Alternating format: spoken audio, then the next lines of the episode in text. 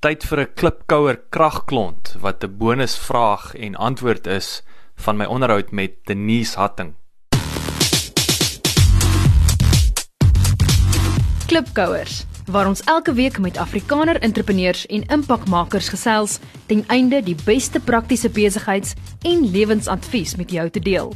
Jou gasheer en mede-klipkouer, Jacques Basson. Wat is heidaglik of historiese groot pyn in die besigheid? Ehm um, wetgewing.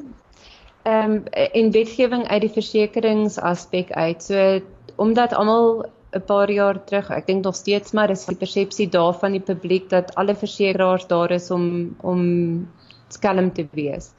Het die Financial Services Board sekere wetgewings begin in plek stel.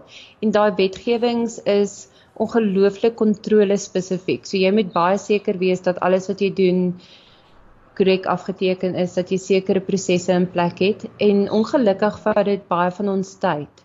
So ek weet nie of dit altyd verhoed dat as jy sou wou skelm wees dat dit wel sou heeltemal weggevat het nie, maar dit is ongelooflik tyd en koste intensief. Natuurlik al die geld wat in in ons maatskappy inbetaal word, moet ek voor verantwoording doen. En dis nie 'n probleem nie. Ons het baie goeie stelsels, baie duur stelsels wat daarmee werk. Maar ehm um, so die veranderinge in wetgewing in terme van die versekeringswetgewing is vir ons 'n baie groot uh, probleem op die oomblik. So dit klink vir my tipiese um, en ek sien dit in Engeland ook, jy weet, dis al hierdie papierwerk soos jy sê, maar op 'n of ander dag gaan mense ja. nog steeds steel hulle nog steeds 'n ding. Iemand gaan nog steeds dood.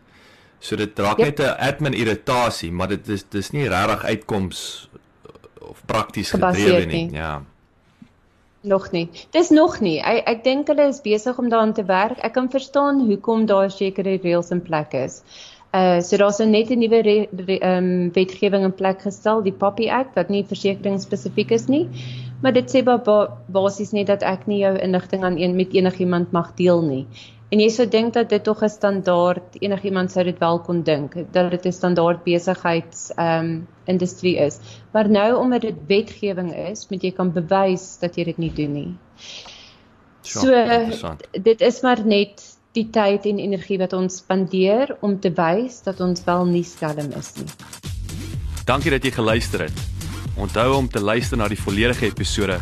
Laat die wiele rol.